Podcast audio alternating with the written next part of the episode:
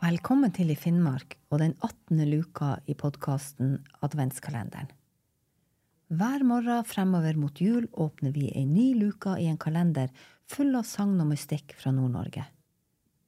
Historiene er samla inn og skrevet ned av Roald Larsen, og fortellingene er henta fra hans siste bok, Isgåten og andre oppsiktsvekkende fortellinger. Jeg, Helle Østvik, leser direkte fra boka.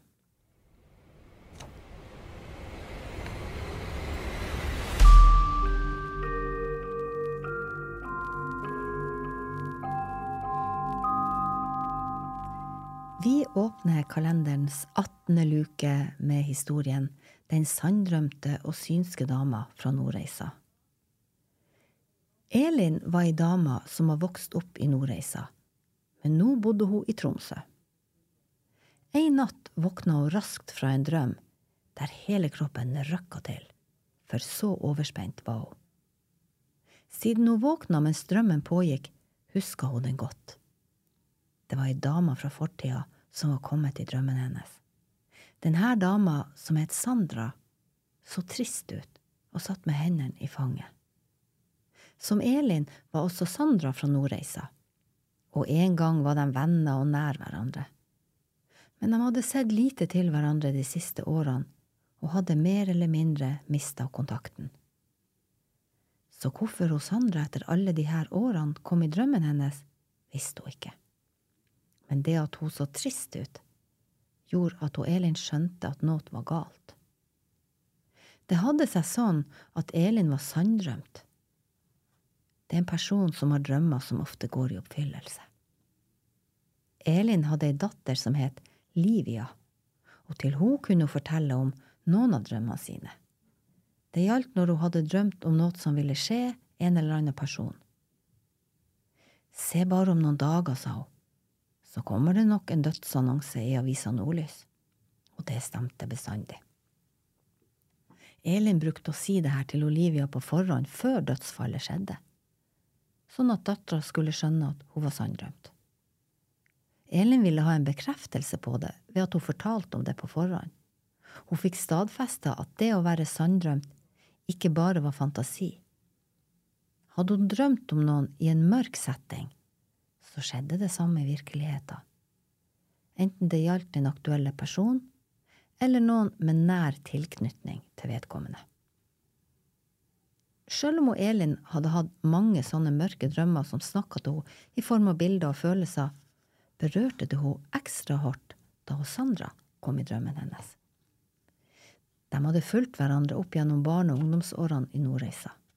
De kjente både familien, vennene og bakgrunnen til hverandre. De visste hva de hadde i bagasjen, og hva de hadde vært igjennom. Men vennskap kommer og går. Noen varer hele livet, andre i bare deler av livet. Elin og Sandra hadde med tida utvikla seg i forskjellige retninger og fått ulike interesser. Elin hadde flytta til Tromsø, mens Sandra hadde kjøpt seg hus i Nordreisa, nær der de en gang hadde vokst opp. Men nå var altså Sandra kommet i drømmen hennes. Der satt hun med lut og krum rygg og så bedrøva ut. Elin skjønte med en gang at det måtte være noen som var død. I dette tilfellet noen som sto hun nær. Hun kunne tydelig se håpløsheten og smerten i ansiktsuttrykket til Sandra, og tok inn sorgen som hun bar på. Sjeleboligen til Sandra fungerte ikke lenger den var ramma av sorg.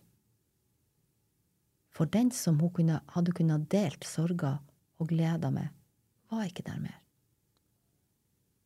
Noen dager etterpå sto det en dødsannonse i avisa Nordlys. Det viste seg at det var mannen til Sandra som hadde gått bort. Denne gangen hadde imidlertid ikke Elin annonsert på forhånd til Livia om denne bortgangen, så det var den sanndrømte for personlig berørt av sin egen drøm. Det var ikke bare sånn at Elin drømte om personer som det skjedde noe med.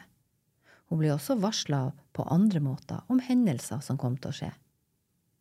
Elin kunne for eksempel plutselig få glimt av et ansikt hjemme i stua også. Denne personen som viste seg i et syn, kunne bare plutselig dukke opp et øyeblikk, for så å forsvinne igjen. Seinere fikk Elin ofte greie på at denne personen hadde gått bort.